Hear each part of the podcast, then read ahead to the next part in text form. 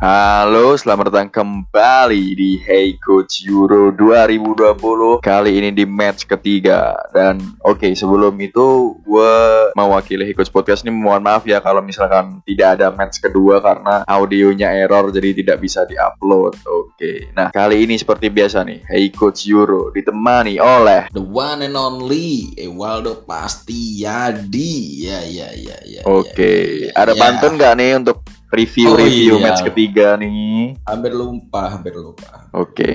Ada Zoro Latih Platini, cakep. Cakep. Kembali ke Euro Coach nih. Asik, okay. gila. Gila, gila, gila. Oke, okay. kasih tepuk tangan iya. dulu deh. Ya kan. Pantun tanpa ini ya. Apa? Tanpa pemikiran gitu ya. Oke nih. Nah, uh, juga ini kalau ngomongin soal Euro juga nih, Mak kita di Hey Coach Podcast ini di Instagram juga ada analisa tipis tentang Euro 2020 dong, Mbak, ya kan? Ya, ya namanya analisis. wow, wow, wow, kok bahaya sekali. Analisis tipis. Asyik. ya. Namanya antis. Ya. Analisis tipis. Iya, tinggal ya, di follow ya. ya. Hmm. Bagi yang uh, setia dengerin kami di Spotify di ya. Hey Coach Podcast di Spotify, teman-teman juga bisa nih kunjungin uh, di profil Instagram kami di Hey Coach di Instagram dan kita di Snapgram tuh setiap mau pertandingan dan setelah pertandingan kita selalu yeah. memberikan preview dan review ya. Benar ya, banget. Iya, benar banget nih. Jadi bagi kalian Jadi, nih ya. uh, yang pengen jagoin, pengen nonton gitu hmm. sebelum nonton atau setelah nonton ya, pengen lihat review dan previewnya ya silahkan gitu ya Maya. Ya, bagi teman-teman juga yang mungkin ya uh, masang kah atau main-main sama temennya lah. Benar banget. Bisa lah kira-kira nanti yang menang siapa ya? Nah ini bisa yeah. dia lihat reviewnya dari Hey Coach di Instagram. Oke, okay. ya parlay parlay. ya. Tapi ini juga nih mak. Yo yo. Sekarang udah di match ketiga. Lu kerasa nggak nih tiba-tiba Euro baru mulai sekarang udah match ketiga aja nih?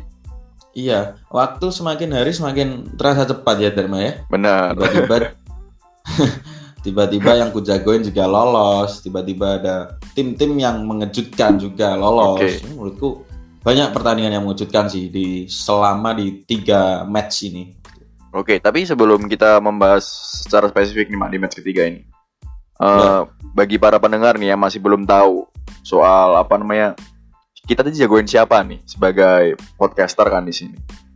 Ya, iya. Sepanjang iya. match ketiga ini, mungkin bagi para pendengar ingat kalau Ima ini ngefans Jerman, jagoin Jerman ya maksudnya. Benar. Jagoin Jerman sedangkan gue Spanyol, La Furia Roja. Nah, ya, iya. dari match ke satu sampai ketiga, dari lu, apakah lu puas dengan Jerman dan apakah Jerman bisa juara? Ini singkat aja sebelum membahas match ketiga. Ya, menurutku kalau puas masih belum puas ya karena kita tahu Jerman terlalu memaksakan permainan dengan tiga back dan okay, hasilnya sepakat. dan hasilnya Jerman terbobol hampir 4 gol bahkan. Iya, Atau iya. oh 4 gol, 4 gol. Lebih malah. 5 5, sorry 5. 5, sekarang malah 5 sekarang hmm, ya. 5 gol. Kira-kira kemarin ya. Yeah. Menurutku ini uh, tidak efektif ya untuk permainan Jerman yang cenderung menyerang dan seperti itu saya kurang puas sih untuk permainan yeah. Jerman. Tapi menurutku untuk Jerman juara ya mungkin ada karena uh, setelah lihat plot kompetisi Euro setelah lolos ini menurutku Jerman yeah. bisa sih kalau ke final ya Oke, oke, oke, oke, boleh, boleh, boleh. Nah, kalau gue sendiri nih soal Spanyol, jujur gue masih melihat masalah yang sama ya dari match 1 sampai match ketiga yaitu tidak mampunya merubah possession ke chance created walaupun di pertandingan kemarin luar biasa. Bagi gue perkembangannya jauh. Dan ada perubahan lah. Nanti akan kita bahas uh, secara spesifik. Dan juga uh, harusnya Enrique lagi-lagi mengurangi keras kepala sih dari match 1 sampai ketiga. Benar. harusnya di fase knockout ini harus lebih-lebih untuk mengurangi keras kepalanya dia. Itu sih kalau dari gue. Hmm. Yang penting kalau soal juara, gue jujur masih kurang optimis ya soal Spanyol ini. Ya, ya, soalnya juga Spanyol ini di plot neraka ya, di plot ya, kiri ya. benar benar benar. Di plot kiri dan ya. kalau aku lihat Jerman di plot kanan ini lebih aman sih. Walaupun okay. memang musuhnya terberat mungkin Belanda lah kalau yang agak menyulitkan ya. Ya ya ya ya ya. Oke. Okay. Belanda dan Inggris lah. Oke, kita akan langsung bahas nih, Mak. Soal match ketiga, match penutup fase grup dan match penentuan siapa yang lolos. Oke, yang pertama Yoi. nih. Kalau tadi kan kita bahas yang apa namanya? Kalau tadi kan bahas Jerman tuh yang sempat uh, bimbang nih mau lolos atau enggak nih di match terakhir. Tapi yang pertama ini ada rivalnya yaitu Italia yang memang dari match kedua setelah menang match kedua kemarin langsung lolos nih. Dan di match ketiga menang dengan skor 1-0 menghadapi Wales. Bagi lo nih Mak. Ini dengan per peraihan poin sempurna apakah Inter eh Inter lagi Italia apa namanya menjadi favorit juara Euro 2020 apa ah belum nih karena masih belum ketemu tim gede. Kalau dari lu gimana? Ya menurutku menjadi salah satu uh, favorit ya Benar. untuk menjuara Euro ya karena kita tahu kekuatan Italia ini tidak terbobol di 13 pertandingan sekarang bahkan. Iya Sampai iya 13 iya. bahkan. Dan 30 Kira-kira pertandingan, sorry gua potong 30 pertandingan belum terkalahkan. Ternyata. Belum terkalahkan. Nah, Dan ini nah kalau dari lu gimana? menurutku sangat-sangat superior ya Italia dengan eh, perma- menurutku Italia adalah salah satu tim dengan natural naturalisasi Perem- peremajaan tim yang melakukan peremajaan tim dengan cepat ya menurutku Iya, dibandingkan dengan Belanda dibandingkan dengan Belanda oke. kita tahu dulu Italia diisi dengan pemain-pemain tua bahkan liganya pun dijuluki dengan liga aki-aki netizen iya, iya. Indonesia ya Iya benar. kita semuanya dan sekarang kita tahu diisi dengan kombinasi pemain muda dan pemain yang senior bahkan. Iya. Dan bahkan aku lihat Italia ini lebih banyak pemain mudanya sih dan bisa berkembang dan bermain dengan solid menurutku Italia juga bisa menjadi salah satu tim yang bisa menjuara Euro sih menurutku. Oke, kalau eh, apakah karena ini belum juga terlihat sempurna karena belum ketemu tim besar kalau dari Mungkin iya sih. Mungkin Italia belum ketemu tim yang bisa memecut lah kasarannya. Oke. selama ini Italia masih main aman konsisten Iya. dengan grupnya yang tidak begitu menyulitkan lah untuk Iya, iya. level Italia menurutku. Iya, iya. Tapi Oke, kita nah masih belum melihat Italia bertemu dengan tim yang mungkin di atasnya atau seimbang dengannya. kalau dari gue cukup ini sih, cukup sepakat eh, soal pemain ya. Tadi soal Iya. pemain muda dan bagi gue timingnya memang tepat karena eh, Italia ini tidak membuang semua pemain tua dan tetap menyisakan pemain-pemain senior untuk Bener. bener. mengkombinasikan dengan pemain muda di Benar. Euro 2020 kali ini. Bagi gue itu adalah keputusan tepat dari Mancini ataupun dari federasinya ya ini keputusannya bagi gue ini suatu hal yang tepat dan terbukti gitu loh. Secara permainan mereka lebih matang, terus apalagi di eh, dari match pertama dan match kedua itu berbeda jauh permainannya. Terus di match Benar. ketiga juga ini tampil menguasai juga walaupun terbantu ya dengan Wales yang terkena kartu, me- kartu merah dari Ethan Ampadu. Nah, bagi gue sih itu itu sih kalau dari gue. Nah, kalau itu eh, soal favorit juara, lu menjadikan salah satu favorit ya Maya? Menjadikan salah satu siapa Iya. salah satu. Nah, kalau bagi para pendengar Hikots Podcast juga, eh, gue salah satunya memfavoritkan Italia dari satu dari empat tim yang calon kuat nih juara Euro 2020. Ya. Aku juga, aku juga. Heeh. Nah, tapi kalau di sebaliknya nih, Mak, Wales tak tetap lolos sih, mereka tetap lolos di fase knockout. Tapi Wales ini seberapa besar sih peluangnya kalau dari lu? Atau biasa aja nih? Dan di pertandingan ini gimana kemarin? Ya pertandingan kemarin Wales tampil ya untuk level Wales cukup baik lah. Oke, kemarin. terkena kartu Walaupun- merah juga ya soalnya. Ya walaupun eh, terkena kartu merah juga, tapi menurutku Wales juga bermain cukup baik. Tapi menurutku eh, kembali ke finishing lagi ya, lagi-lagi ke finishing dan eh, perbedaan antar bola ini kurang cepat sih. Oke. Nggak, nggak yang dilakukan sebaliknya oleh Italia yang walaupun dia menurunkan squad kedua, tapi menurutku permainannya masih oke, masih Oke. oke. Jadi bagi lu kemarin layak ya, Maya? Dan Wales Layak, memang layak. harus banyak yang diimprove ya, terutama bagi lu finishing. Dan gue sepakat sih. Ya benar. Seperti ya Daniel James yang lagi-lagi ya sering kehilangan bola juga gitu sih. Dan produknya masih kurang kalau dari gue. Nah. Oke. Me- ngomongin soal Italia juga yang menang, ada juga tim yang menang itu Belanda di match ketiga menghadapi North Macedonia dengan skor 3-0. Kalau dari lo nih, Belanda juga favorit juara Euro kah dengan Wijnaldum-nya ini yang selalu Ya. impresif nih dalam tiga pertandingan? Ya menurutku Belanda belum sih. Oke, belum. ya? Tapi mungkin ada kesem- 60% lah bakal menjuara Oke. Euro ya untuk presentasi menurutku. Karena eh, menurutku di match ketiga ini Belanda lebih belajar untuk eh, memperbaiki membenahi ke defense-nya ya. Ya, Kita tahu di dua pertandingan sebelumnya Belanda terbobol 4 atau 3 gol lupa aku. Hmm, Oke. Okay. Hampir 5 gol lah Belanda hampir kebobol dan match ketiga dia ber, uh, berhasil clean sheet dan uh, merapatkan sisi belakang pertahanan ya menurutku kemarin Belanda okay. dengan mengamankan tiga gol dan menurutku ya Belanda bisa lebih baik jika pertahanan juga dibenahi sih menurutku. Iya sih. Kemarin menjawab waktu melawat North Macedonia walaupun memang levelnya memang jauh dari Belanda memang yeah. North Macedonia. Dan ini loh North Macedonia juga uh, menyerang Belanda counter attack juga cukup lancar maksudnya walaupun yeah. finishingnya lagi-lagi ya seperti uh, tendangan siapa gue lupa terkena tiang di babak pertama hmm. seperti itu jadi memang sepakat ya soal pertahanan Belanda harus banyak memperbaiki gitu sih walaupun bagi gue di lini tengah dan lini depan sudah cukup oke okay lah udah cukup sempurna lah kalau dari gue Walaupun memang Depay beberapa kali finishingnya memang buruk banget ya. Iya iya iya. Ya. Lucu sih agak nih pemain Barca ini ya. Iya iya iya. Ya. Beberapa kali finishingnya buruk tapi menurutku ya. Walaupun lah. ini ya kemarin cetak gol ya, tapi hmm. masih belum cukup ya. Walaupun bagi, bagi. Ya masih belum cukup ya. Dan hmm. kemarin di match itu juga Pandev juga mau mengumumkan pensiun juga ya. Iya benar. Bagi keluarga Pandev dan Pandev yang podcast ini mungkin Uh, selamat pensiun pensiun bang kalian uh, Anda telah menyelamatkan masa kecil kami.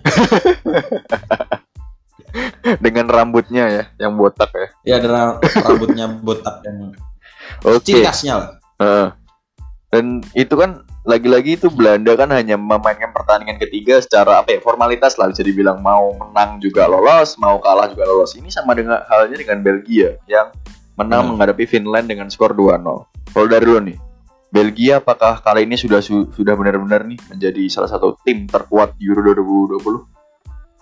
Ya benar-benar salah satu tim terkuat dan menurutku ini adalah era terakhir untuk Belgia ya menurutku. Hmm, hmm. Karena kesempatan tahu, lah. Uh, kesempatan terakhir lah menurutku. Yeah. Karena menurutku ini adalah eranya paling emasnya Belgia menurutku. Iya. Yeah. Sepakat. Belgia harus memang benar-benar memanfaatkan momentum Euro ini untuk mengangkat trofi. Iya. Walaupun memang beberapa kali uh, banyak PR ya untuk Belgia kayak pertahanan bermain kadang bermain juga mengunci diri sendiri di setengah lapangan. Iya, iya. Ini juga bisa menjadi bumerang untuk uh, bumerang di Belgia untuk yeah. Iya. uh, kalah melawan atau menghadapi tim-tim yang lebih besar seperti Prancis atau Portugal mungkin. Nah, menurutku Oke. Okay. Harus formasinya harus agak ini sih agak variatif ya agak variatif karena hmm. iya Bel agak variatif bener. Karena kita tahu Belgia ini mainnya ini agak parkir bus ya kadang. Iya iya iya ya, walaupun melawan tim yang di bawahnya itu menurutku hmm. ya Maksudnya, kurang variatif aja. Iya. tidak menunjukkan permainan atraktif nih Roberto Martinez kalau dari gua. Iya benar benar padahal yang dilawan contohnya match kedua lawan Denmark terus sekarang lawan Finland. Bego seharusnya bisa lebih sih Belgia. Iya benar benar hmm, oke okay sih. Kalau dari gua juga itu sih. Dan Eden Hazard kemarin main loh. ya, akhirnya ya. akhirnya main juga dia. Setelah terbayang-bayang oleh adiknya sendiri, Torgan Hazard yang dua kali beruntun main. Itu sih kalau dari gua. Itu cukup menarik sih Eden Hazard main kemarin. Walaupun ya, welcome back Eden Hazard ya. Oke, nah.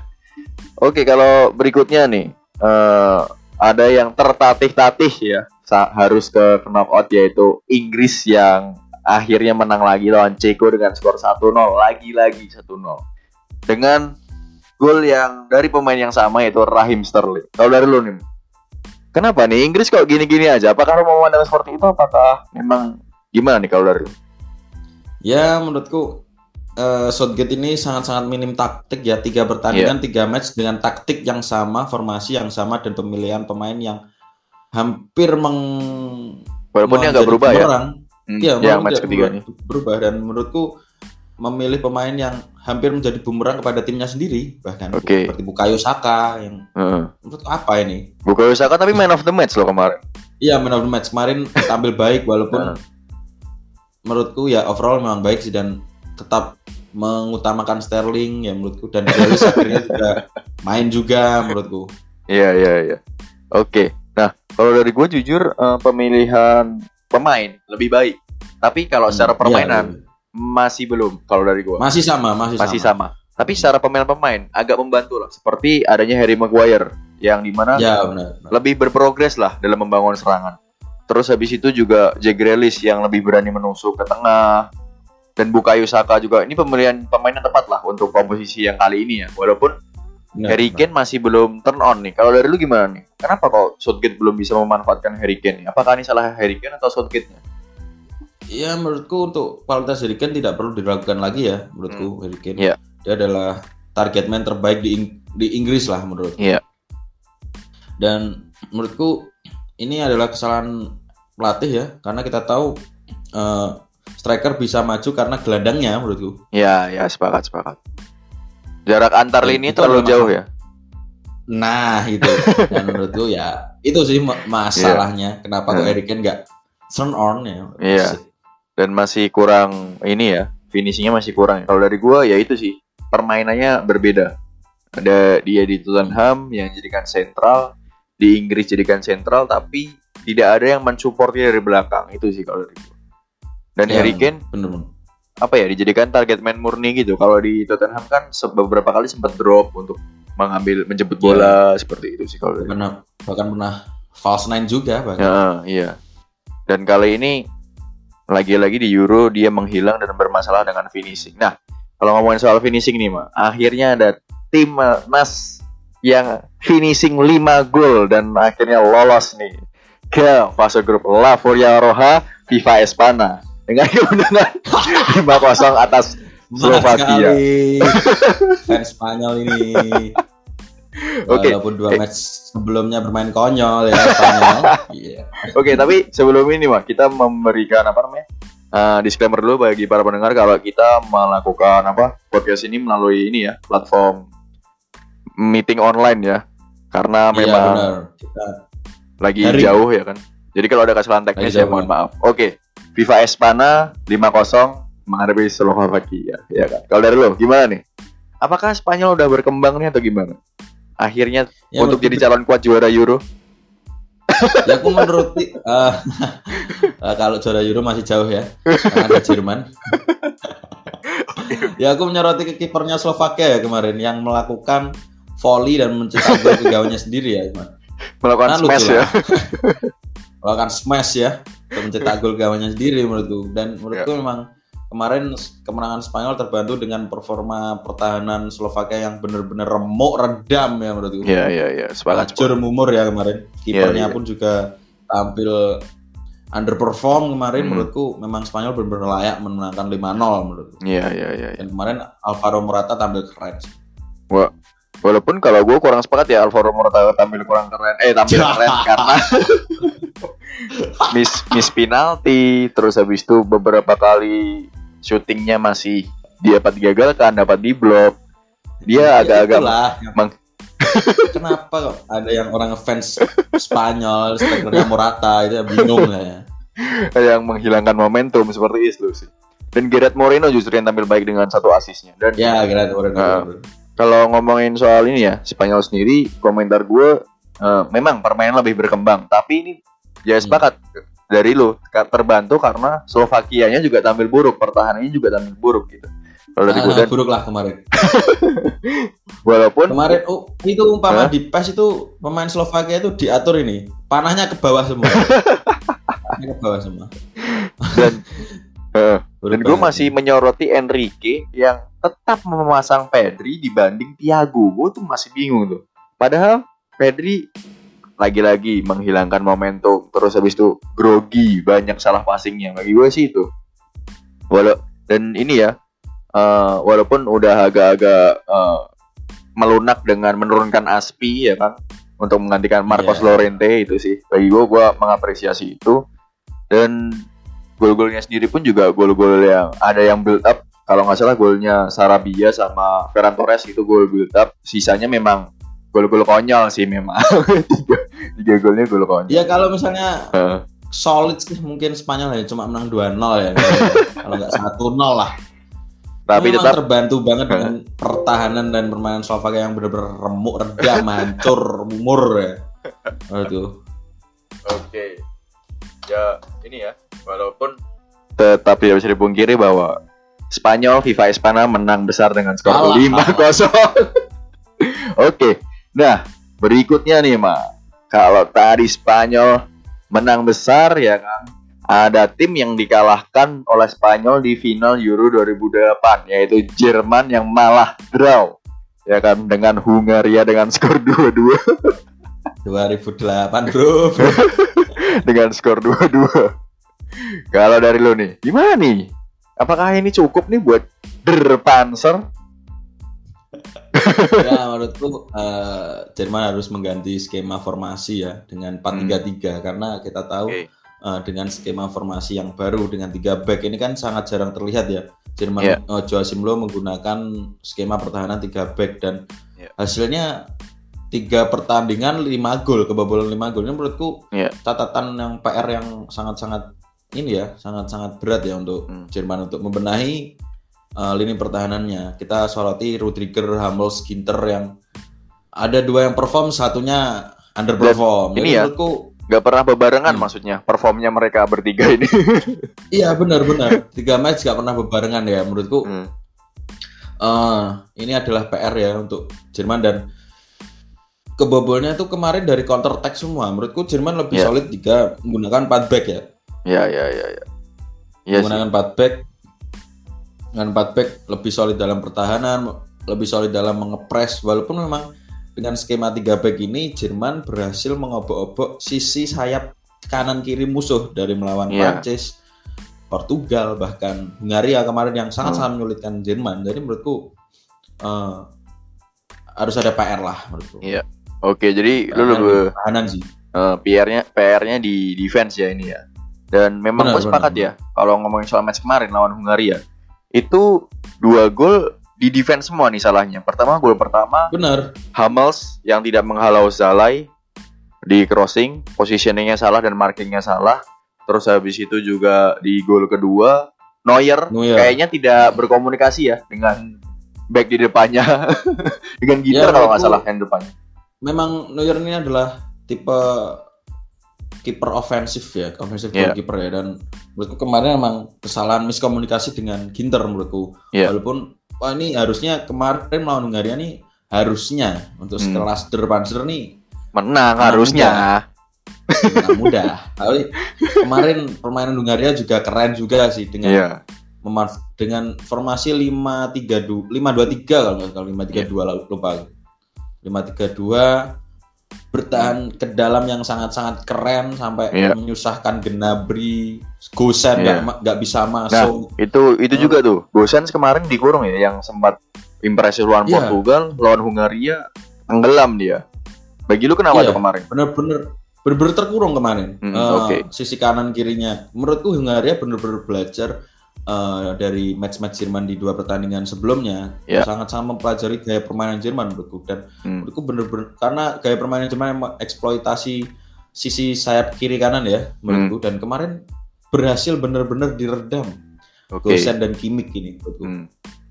Oke, okay, nah kalau dari gue di Hungaria sendiri memang permainan kemarin pertahanannya sangat solid ya dan juga lebih ya, physical play bahkan bermain fisik hmm. di fisik nih eh, penyerang-penyerang Jerman gitu. Dan lu kalau kemarin deg-degan gak nih mah? Kok ketinggalan duluan terus habis itu?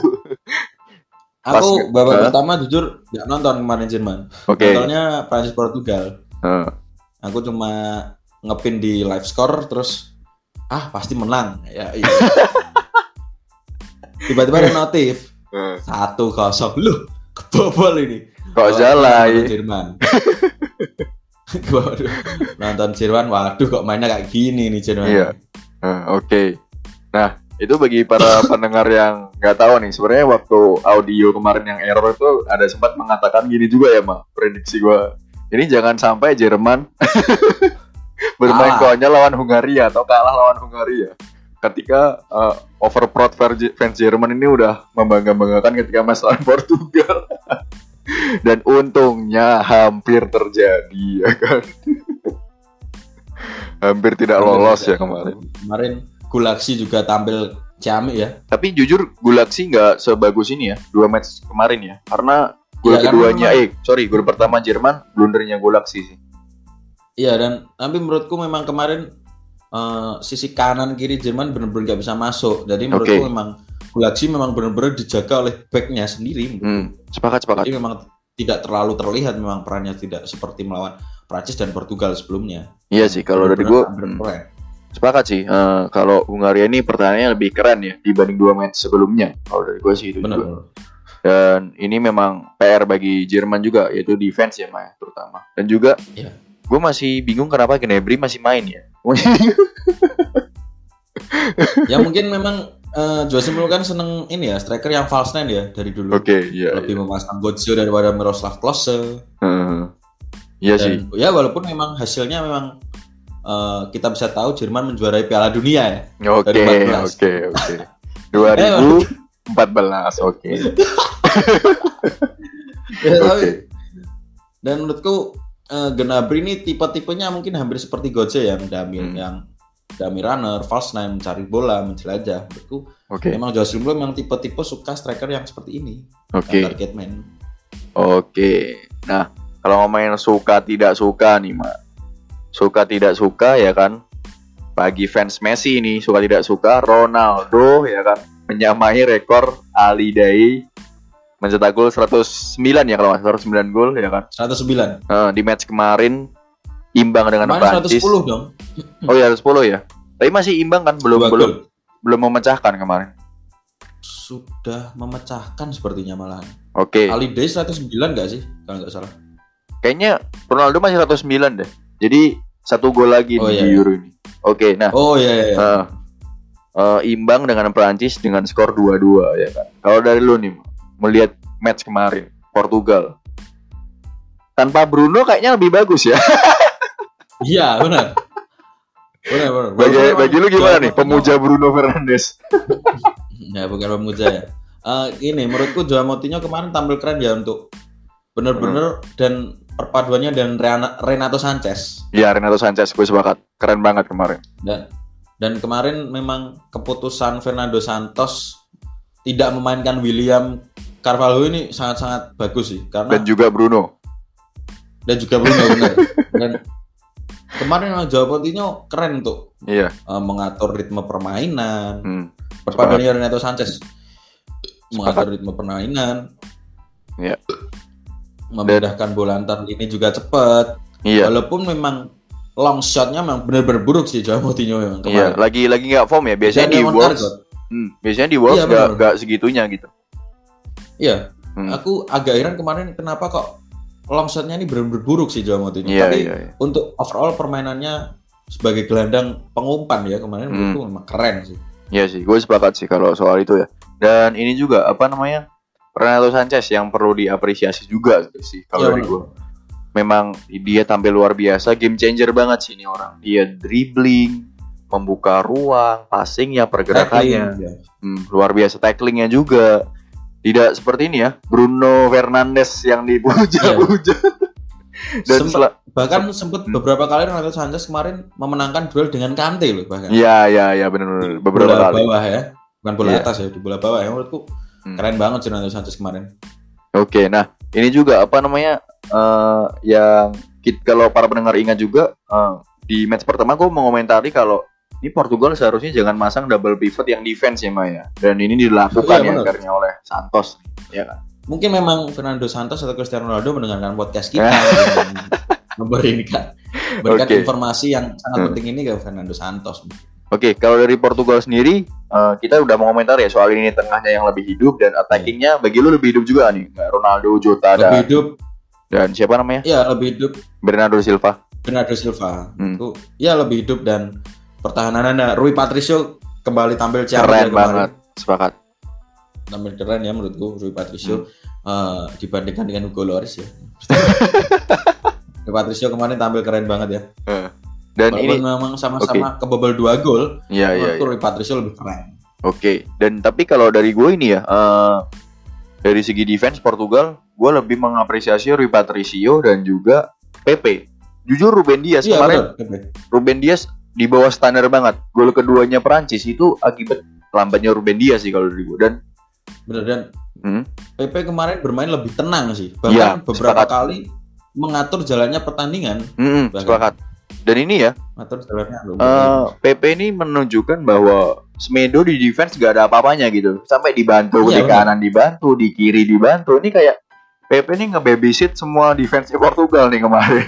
Bahkan beberapa kali PP itu uh, terlihat dari gesturnya mengatur ya Mhm, anak-anak sepakat. kecil ini ya. Kamu Iya, ke sana, iya. kamu ke sana berarti ya kemarin. Ya? iya. Menurutku emang keren sih Bebe dan long shotnya juga sangat membantu Iya. eh ini counter attack-nya Portugal juga Iya. kemarin. Menurutku memang PP tampil keren sih. Oke, dan juga ini juga ya eh, menunjukkan bahwa PP yang udah tua bisa mengantongin Mbappe lo kemarin di tackle beberapa Hmm. kali. Bahkan di kolong bahkan. Iya, kalau dari gue luar biasa nih PP.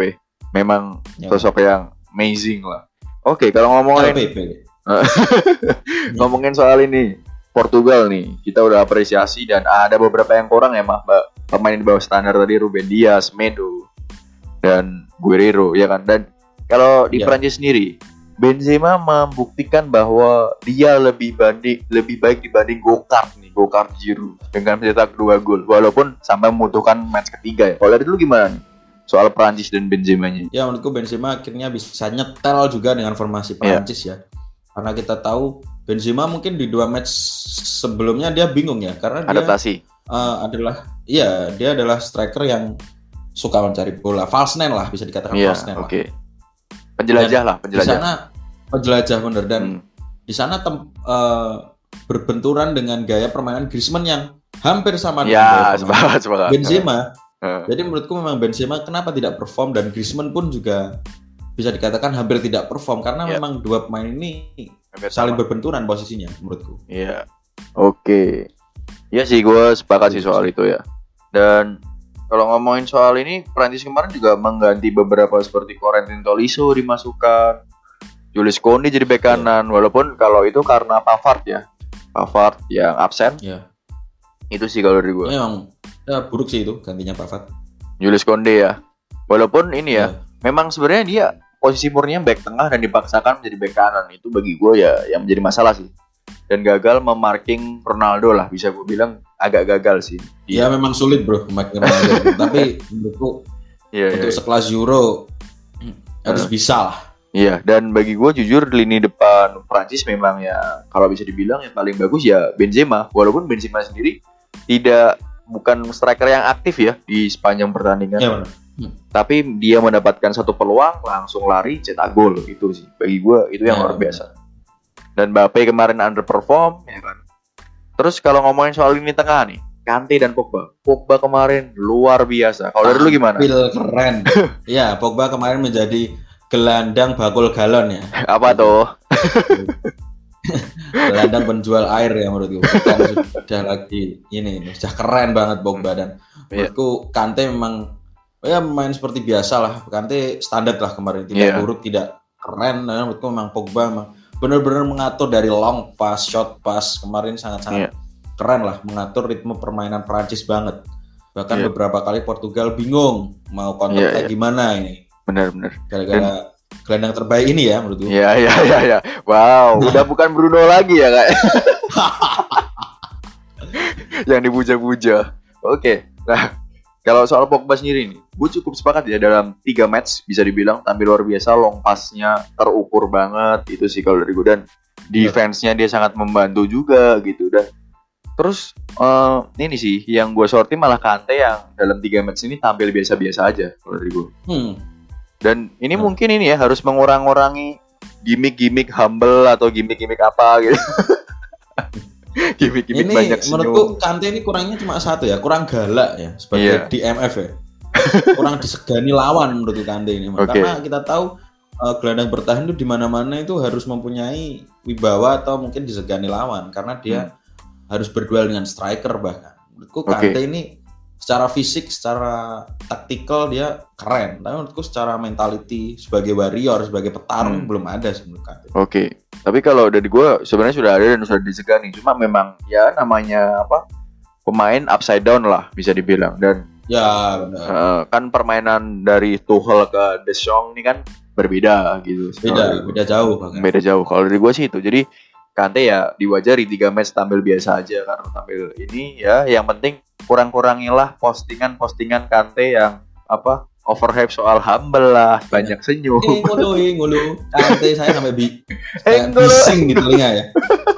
Kante ya, lagi PMB ah, bising saya di telinga ya. Lagu-lagu itu oke lalu menghiasi di handphone saya. ya.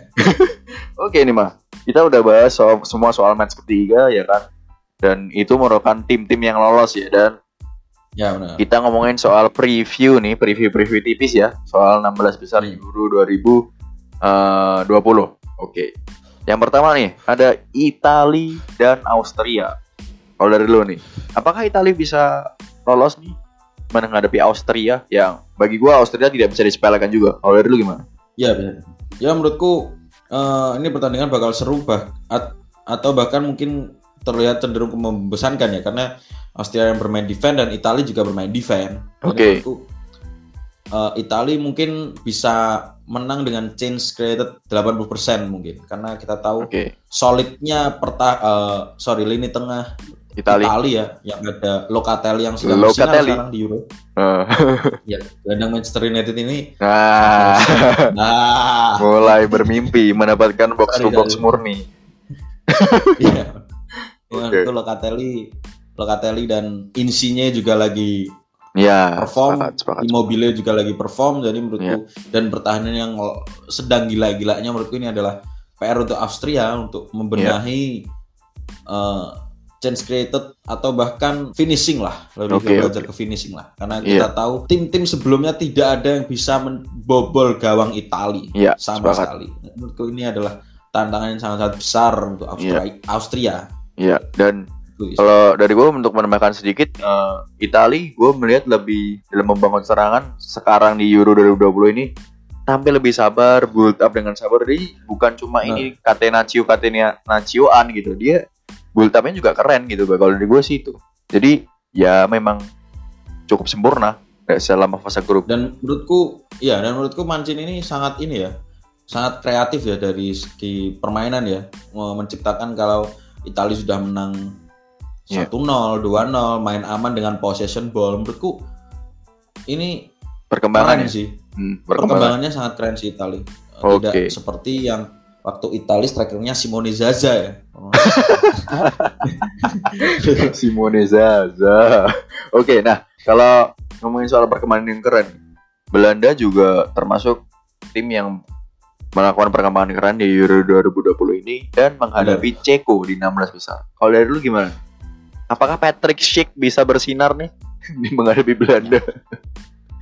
ya menurutku Patrick Schick akan terendam oleh duet Wijnaldum dan Frank De Jong ya Heeh, atau bahkan mungkin bisa dengan counter attack Ceko ya Iya, iya. pola Ceko ya Hmm, karena beberapa kali menyusahkan ya di Oke. grup sebelumnya hmm. Patrick Schick ini dan Belanda juga beberapa kali bermasalah dengan lini pertahanan jadi menurutku Oke.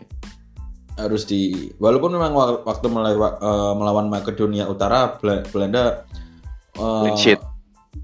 clean sheet dan belajar banyak dari Iya. dua match sebelumnya menurutku Belanda harus lebih ke membenahi ke pertahanan sih daripada Iya, penyerangan dan lini tengah karena sudah solid. Oke, sepakat sih. Kalau dari gue ya ini Belanda harus eh, lagi dari Frank de Boer harus ini ya eh, memperbaiki pertahanan dan juga memilih pemain yang tepat nih untuk di lini depan. Iya. Wout Weghorst sih kalau dari gue. Untuk menambahkan sedikit Iya. ya. Dan ini selanjutnya ada big match nih di 16 besar itu Belgia menghadapi Portugal yang tadi juga kita bahas. Nah, kalau dari lo nih, ini siapa nih yang nggak sulit nih? Karena Portugal kan lolos lewat peringkat tiga terbaik nih. Dan akhirnya harus mendapatkan lawan yang sulit yaitu Belgia. Kalau dari lu gimana nih? Ya ini 50-50 sih menurutku lebih ke arah 50-50 Iya. karena melihat dua tim ini bermain sama-sama tipenya hampir sama counter attack pass Nah, gitu. iya. hampir sama dan ini bahkan pertandingan yang eh, mung- kemungkinan juga bakal membosankan karena Iya. bermain dengan eh, setengah lapangan juga nih dua tim ini mainnya Iya. modelnya Iya sih. tapi untuk kemenangan mungkin aku ke arah Portugal ya walaupun memang Oke. Persentase lebih ke 50-50 tapi menurutku Portugal lebih menang karena Portugal nih kalau lebih kalau mainnya keren seperti Prancis kemarin mungkin Portugal bisa menang menurutku. Oke. Nah, oke kalau dari gue lebih ke ini sih. Gue sepakat dua tim ini tidak bisa bermain proaktif ya. Eh, Bukan nggak Iya. bisa, ya, tidak bagus dalam bermain proaktif ya kan. Benar. Dan mereka lebih cenderung bermain counter attack yang paling bagus. Kalau dari gue sih itu. Jadi dua tim ini ya bisa dibilang akan akankah membos kemungkinan cuma dua membosankan atau seru banget yaitu saling bertukar counter attack gitu sih kalau. Ya. Tapi yang menjadi pembeda menembakkan sedikit yaitu Belgia ada De Bruyne. Nah itu yang bisa dibilang yang Dan di tampil luar biasa. ada Bruno ya. Iya Bruno ya yang menghilang selama dua pertandingan kalau kata Mourinho. itu sih. Nah, eh De Bruyne ini menjadi pembeda kalau dari Belgia. Dan Portugal masih bagi gue masih belum memiliki karena Renato Sanchez ataupun Joe Moutinho kemarin belum ada di level De Bruyne gitu sih. Iya, Nah, benar hmm. Oke. Ngomongin soal tetangganya Portugal nih yang dari 15 besar yaitu Spanyol yang menghadapi Kroasia ya kan. Kalau dari lu gimana nih? Apakah Kroasia bisa memenangkan pertandingan ini ataukah Spanyol, FIFA Espana calon kuat juara Euro yang akan memenangkan pertandingan ini? Ya menurutku Kroasia bakal menang mudah ya dengan Modric hat-trick dan, Modric hat-trick. Antar quadrick ya. ya menurutku ini bakalan seru sih balahan karena dua tim yang gaya permainannya sangat hampir berbeda ya, hampir Iya iya iya. Sepakat. berbeda dengan eh, possession dan satu counter attack Hmm. Kroasia Kroasia akan main memang- counter attack ya. Hmm. Terus akan main counter attack bener banget dan menurutku memang bakalan seru sih oke. tapi aku lebih condong ke Kroasia ya kenapa ya ini feeling gue Feeling doang kali. Karena jujur emang kalau dari gue bilang cukup seru karena dua negara ini adalah dua negara yang lagi membangun. Kroasia yang Iya, generasi benar, emasnya udah pu- pudar ya kan.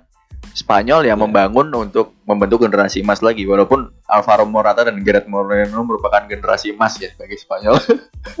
wah wah wah wah wah, memang nggak, Nick David Villa sih enggak enggak. Iya. Nah, kalau dari gue ini itu sih. Jadi sepakat ya bakal seru dengan ada dua gaya permainan yang akan berbeda nih tentunya. Kalau dari gue Iya, benar. sepakat dengan lu sih. Dan kalau gue lebih condong ke Spanyol selama 90 menit. Iya, tapi kalau dong. tapi kalau misalkan ke adu penalti, gue agak ragu Spanyol akan menang karena kita tahu dua match, dua miss penalti udah. Iya, iya, iya. Dan menurutku ini Hmm. Kroasia bakal keren sih mainnya. Menurutku ini bakal match yang seru ya. Iya. 50-50 juga sih presentasi kemenangannya. Iya, gue juga sepakat sih soal itu. Dan kali ini setelah itu ya kan ada juara grupnya nih ya, grup neraka yaitu Perancis yang akan menghadapi Swiss. Kalau dari lo nih, apakah Perancis bisa nih melewati tantangan Swiss ini? Ya menurutku Prancis sangat-sangat bisa ya menurutku Eh, untuk presentasi kemenangan Prancis bakal men, eh, 70% lah bakal memenangkan pertandingan ya. Sepakat. Dan 30 persennya eh, Untuk Granit Mungkin kalau- iya untuk Grand Xhaka. Grand Xhaka memang gelandang terbaik di semesta ini ya. Xhaka. Kalau dari lo ini akan akan menang mudah nih Perancis. Ya mungkin akan menang mudah ya dengan kemenangan presentase 70% karena eh, ada Shakiri ya. Saya lupa. Ada Syakiri, ada Syakiri. Iya, menurutku Shakiri kalau eh, ini Shakiri sangat menggendong tim ya, menurutku. Iya, iya. Shaqiri. Dan menurutku eh, performa Pogba yang sangat-sangat keren dan juga Kante Hmm. yang waktu defend menurutku sangat-sangat bisa meredam permainan Shakiri menurutku. Iya iya iya. Oke dan kalau dari gua Prancis harus lagi-lagi ya gua kalau para pendengar juga ingat selalu mau mengungkapkan bahwa Prancis ketika menghadapi tim kecil harus merubah gaya permainannya. Itu lebih latihan untuk bermain proaktif, bermain possession. Kalau dari Iya. gua sih itu. Kalau misalkan udah tampil possession atau proaktifnya dengan baik, gue bisa bilang Prancis bakal menang mudah. Itu sih kalau dari gue. Karena kita Benar. tahu lawan Hungaria kesulitan main ball possession ya kan. Membongkar pertahanan kesulitan. Itu sih kalau dari gue. Dan yang terakhir nih, Ma, untuk yang Swedia, Ukraina, dan Wales, Denmark kayaknya nggak usah dibahas juga sih kalau dari gue. Yoi. Nah, dan berikutnya yaitu ada big match ya kan. Yaitu Inggris menghadapi Jerman ya kan. Akankah Jerman dimenangkan lewat kecurangan wasit seperti Piala Dunia 2010? Alah, alah, alah. Mengapa ya? Framing ya. Kalau dari lu, ini gimana nih, Ma? Melihat dua match ini. The Three Lion dengan Der Panzer. Akankah akan match seru lagi nih atau akankah membosankan Ya malahan? ini match yang benar-benar seru ya untuk fans Jerman Oke. ya karena gaya permainan Jerman yang iya benar karena gaya Oke. permainan Jerman yang sangat-sangat eksploitasi eh, Flank. pertahanan lawan Sayap. dengan pressing zonalnya yang keren-keren banget sih Hmm, oke. keren banget dan kita tahu uh, Inggris ini sangat-sangat underperform di segi taktik ya menurutku. Iya, iya, iya, iya. Oke. Berbeda dengan Jerman yang lebih kayak taktik daripada Hmm, hmm. Inggris Hmm. menurutku. Oke, oke. Dan menurutku ini adalah salah satu tantangan terbesar untuk Inggris ya menghadapi seorang raksasa itu Jerman. Wah, gitu. eh. Ya, ya, ya, ya. Seorang Ya, menurutku raksasa prediksi yang draw lawan Hungaria. Jerman. Oke, silakan. Nah, hampir kalah, hampir kalah. ya menurutku Jerman bakal main lebih all out lagi ya. Hmm. Dan aku harap Jerman lebih bermain ke 4 back ya, jangan 3 Oke, back lagi. sepakat. ya. Nah, Karena kita tahu Inggris ini sisi kiri kanannya walaupun Sterling ini sangat-sangat ya Dembele. standar lah, sangat standar lah Sterling. ini. Hmm. Nah, menurutku ini juga satu PR juga nih pemain-pemain yang larinya kenceng-kenceng ini ya. Iya, iya, iya, iya, iya. Karena kita tahu Jerman ini kalahnya dengan counter attack ya. Iya. Dan bagi gue ini sih Hmm. Jerman eh, untuk menambahkan sedikit ya, gue sepakat dengan 4 back dan permainan pressing tadi dan Jerman lebih diuntungkan karena banyaknya pemain Jerman yang ada di Liga Inggris mengerti gaya permainan para pemain Inggris nih. Benar. Seperti Rudiger yang ada di starting lineup ya, Gundogan, Havertz Joe itu Kimmich bagi dan gue. Goretzka yang di MU bahkan. Oh, wow, wow, Oh. wow. ya, nah kalau dari gue itu sih bakal sepakat karena bakal bermain pressing dan Inggris sebaliknya akan bermain pragmatis nih. Seperti biasa, Gareth Ya, Southgate Ya, gue ya. biasa lah Inggris. Mm-mm. Kalau dari gue itu sih. Dan itu yang perlu diwaspadai juga dari Inggris. Eh dari Jerman, sorry. Ya. Dari Inggris ke Jerman ya. Kalau dari gue sih itu. Jadi seperti dan ini gue dapat catatannya ya, seperti Joachim Low lagi-lagi. Kenapa masih memainkan Gnabry gitu? Kalau dari gue yang aduh Ya. dalam tiga pertandingan ini tampil kurang baik terus begitu juga dengan Southgate walaupun Sterling mencetak gol tapi overall game Sterling itu sangat apa ya biasa banget dan buruk gitu bahkan kehilangan bola bagi gue ini lagi-lagi dua pelatih yang harus memilih starting line up-nya dengan baik sih kalau dari gue itu yang bikin senang oke Ya menurutku untuk presentase kemenangan 90% ya Jerman. nah wow besar. ya karena fans Jerman dong Enggak. ya menurutku 73 60 40 sorry Jerman Oke. bakal memenangkan pertandingan ya. Karena Iya, kita iya. tahu permainan Inggris memang masih eh, seperti itulah. ya Masih sepakat sepakat biasa banget. iya sepakat biasa banget beda dengan permainan Je- permainan Jerman yang lebih variatif dan Hmm. eh, menurutku Inggris bakal bisa menang kalau memang benar-benar memilih susunan pemain yang lebih baik eh, bagus ya, lebih Iya. jeli, lebih baik. oke Itu sih. Hmm, Kalau dari gua mungkin secara sederhana ini aja sih Inggris lebih bermain pada menggantungkan pada individual, individu, sedangkan Jerman bermain tim. Nah itu sih kalau dari gua. Ya, Oke. memang untuk memenangkan Piala Dunia ya. Ah, Oke. nah kalau dari lu mah, apakah ada tambahan nih mah? Iya, tambahnya Jerman bakal menang lawan Wow, wow, wow. Euro. Ya kalau dari gua tambahannya FIFA Espana. Euro 2020 champion nih. Oke. Ya. Oke, jadi bagi lu nggak ada tambahan lagi mas selain Jerman Jerman? Eh, sudah cukup, sudah cukup. Oke. bakal menang sih. Jadi kalau dari lu nggak ada tambahan, gua Inggris nggak ada tambahan. Hmm. Jadi gua dari Mangkus signing out. Well, say goodbye. Dan jangan lupa dengerin kita terus di mana pun kalian berada Di kantor, di warung, di kamar mandi, di rumah Hampir tidur dengerin Hey Coach Podcast Di mana pun kalian berada Tapi tetap stay safe teman-teman Pakai masker, cuci tangan, jaga jarak ya Oke. Jadi Oke. sampai jumpa di Hey Coach Euro berikutnya ya kan versi Yoi. knockout stage. Goodbye. Yoi. Goodbye Dan jangan dengerin podcast lain Dengerin Hey Coach terus Dadah